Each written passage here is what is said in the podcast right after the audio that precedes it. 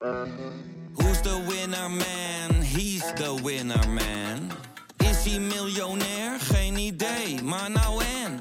Je hebt geen jackpot nodig to be a winner man. Oh oké, dat is wel lekker man.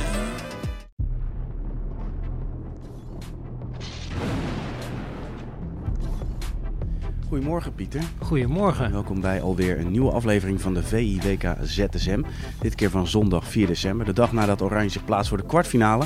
We zitten bij de laatste acht. Nou ja, eh, de vraag is, worden we wereldkampioen Pieter? Ja, dan moet je het eh, Louis van Gaal antwoord geven. Hè. We kunnen wereldkampioen worden, maar het is niet makkelijk. Want we hebben, als we Argentinië verslaan, hebben we waarschijnlijk daarna Brazilië.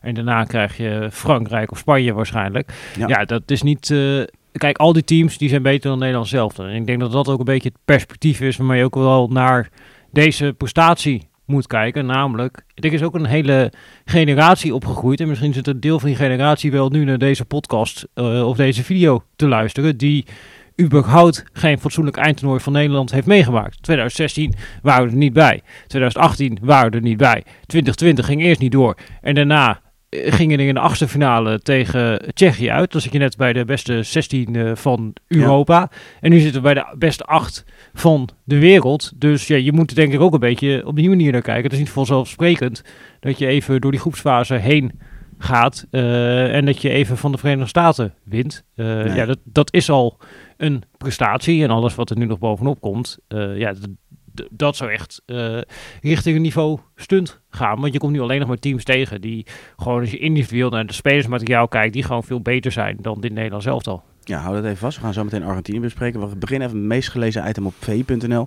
En dat gaat over de buitenlandse media. Die is lovend over het Nederlands elftal. Sterker nog, het woord totaalvoetbal valt. Nou ja, en dat is natuurlijk met name gebaseerd op dat eerste doelpunt. Ja, 20 En- passes. Ja, 20 passes van achteruit eh, opbouw. Nou ja, laat ook zien dat het ook eh, vanuit eh, dit systeem kan. Nou, kwam voor de rest in die eerste helft heel weinig uit. Maar het laat wel zien dat het ja, een mogelijkheid is. En ik Ja. denk dat dat een reden voor optimisme ook al is dat... Kijk, Nederland is natuurlijk op een gegeven moment op die maandag naar Qatar gevlogen. Toen speelde Nederland daarna die maandag, maar je hebt eigenlijk de eerste dagen is acclimatiseren. Je had nog spelers die fit moesten worden, et cetera, et cetera. En daarna speel je steeds om de vier dagen speel je een wedstrijd. En nu Ja. voor het eerst zit daar een lange periode tussen. Dus het is zaterdag, vrijdag. En dat betekent eigenlijk, want als jij vier dagen tussen een wedstrijd hebt, dan is het in principe hersteltraining en iets met eh, de wissels die een klein partijtje doen waar Xavi Ja. Simons mag scoren. Eh, en nou, de- dan daarna eh, heb je op een gegeven moment 1 11 tegen 11 en dan wordt vaak veel stilgelegd. Hoeft niet altijd op de hoogste intensiteit te zijn. Nou, nog één tactische training, een beetje spelhervattingen en dan ga je weer spelen. Ja, je kunt daarin eigenlijk ja, niks doen. Nou, aan de andere kant, eh eh, de Van Gaal heeft tijd om snode plannetjes te bedenken. en nu zeker ja. En nu heeft hij ook tijd om die snode plannetjes te trainen. En tot die tijd, volgens mij vertelde hij het ook, dat hij richting Amerika, dat hij niet eens één fatsoenlijke echt 11 tegen 11 eh, Ja. training had gedaan. Dat was niet af te zien, want je, je zag wel echt duidelijk de hand van Van Gaal terug. Ja, je zag wel duidelijk wat het idee was inderdaad. Dat probeert hij. En dat heeft natuurlijk, ja, die coronaperiode heeft dat ook al moeten doen. Toen speelde Ja. je nog meer wedstrijden, nog korter op elkaar. Dat je het eigenlijk alleen met besprekingen doet. Eh, en zeker in het verdedigende gedeelte. Ja, kun je dat ook wel redelijk snel met vooral besprekingen en een beetje droogtraining kun je dat voor elkaar krijgen. Alleen, ja, om echt in balbezit beter te worden, moet je onder weerstand op hoge intensiteit trainen. Dat heeft Nederland niet of nauwelijks kunnen doen. En nu kunnen ze dat wel gaan doen richting eh, Argentinië. Dus ik denk, ja, als je hoop koestert van, eh, we hebben het nu al vier keer gehoord, in balbezit moet het beter, ook van de bondscoach. Het moet in balbezit ook beter. Ja, dit is eigenlijk de eerste keer waarvan ik vind, dan kun je realistisch verwachten tegen Argentinië. En ik heb ze gisteren ook gezien tegen Australië. Het is niet een ploeg wel als direct de bal verliest, dan is het pam, allemaal erop. Maar daarna zakken ze op een gegeven moment gewoon met z'n allen terug achter de bal. En dan krijg je ook de ruimte om te voetballen. Dus ja, dit is wel het team en dit is wel de wedstrijd waarin je misschien van Nederland mag verwachten, oké, drie van de vier dingen, de twee omschakelmomenten en het verdedigen, dat is van een goed of acceptabel niveau. Ja. Oké, nu kunnen we ook dat laatste gedeelte gaan verbeteren. En ik denk dat je een beetje met dat perspectief ja, richting die wedstrijd kan denken van oké, nou, er, er is al 75%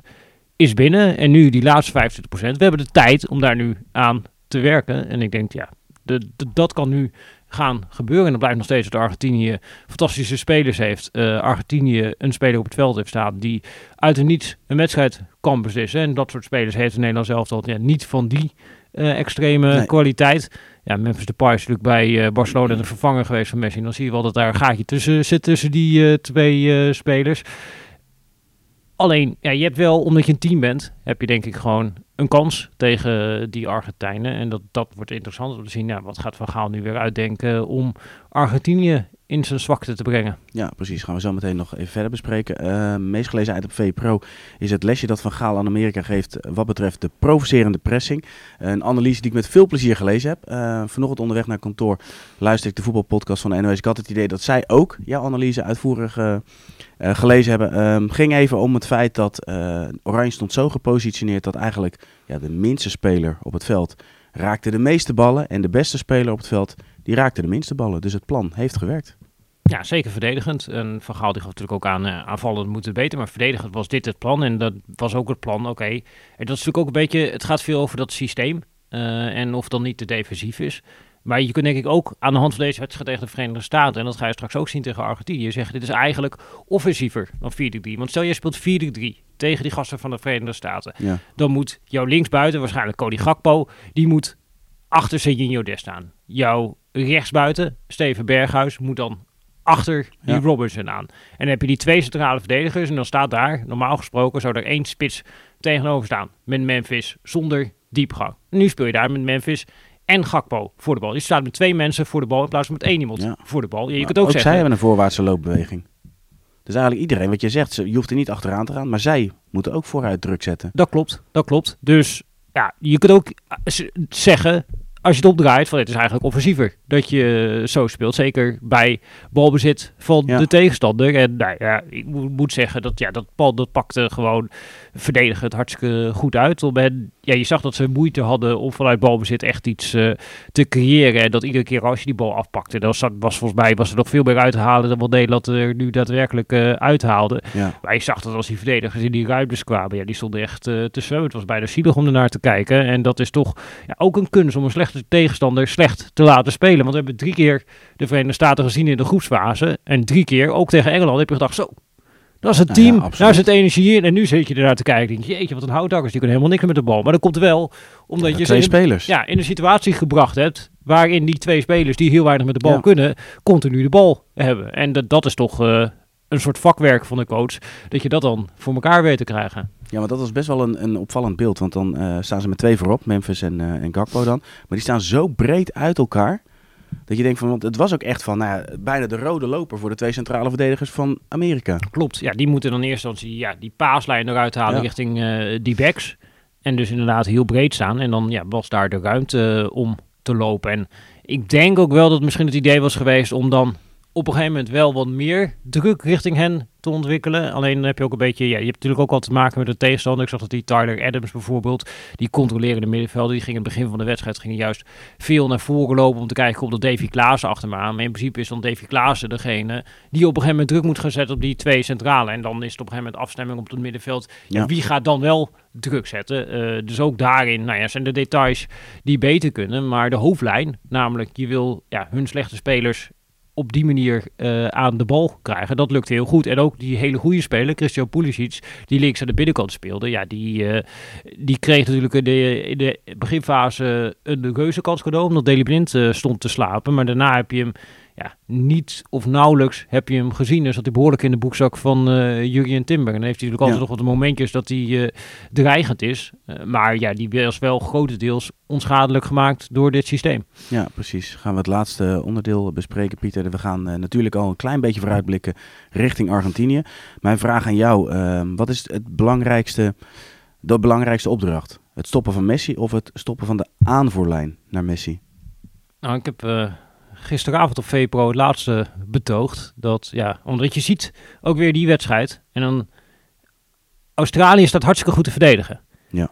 Lionel Messi, tot dat doelpunt dat hij maakt, heeft hij één balcontact in de 16 gehad. Dat was met zijn hoofd. Ja. Nou, ja, als je dan toch Messi in de 16 hebt, dan maar met zijn hoofd. Eh, en dan ja, komt er zo'n vrije trap, die wordt afgeslagen. En eh, combinatie en dan krijgt hij bal voor zijn linker. Dus één tikje legt hij hem opzij. En hij heeft helemaal niet zoveel ruimte. Maar pam, die bal ligt uh, in de verre hoek. En het is het doelpunt. En dat is Lionel Messi. Dat, je geeft hem een halve centimeter rondom het strafschopgebied. En dan is het gewoon het doelpunt. En ja, wie, wie er dan ook tegenover zet, dat is bijna niet te verdedigen. Dus je moet denk ik, of in ieder geval kun je dan al van een heel probleem een half probleem maken. Door ervoor te zorgen dat hij maar de helft van de ballen krijgt. Dus ik ben vooral ook gaan kijken naar die wedstrijd met het idee van...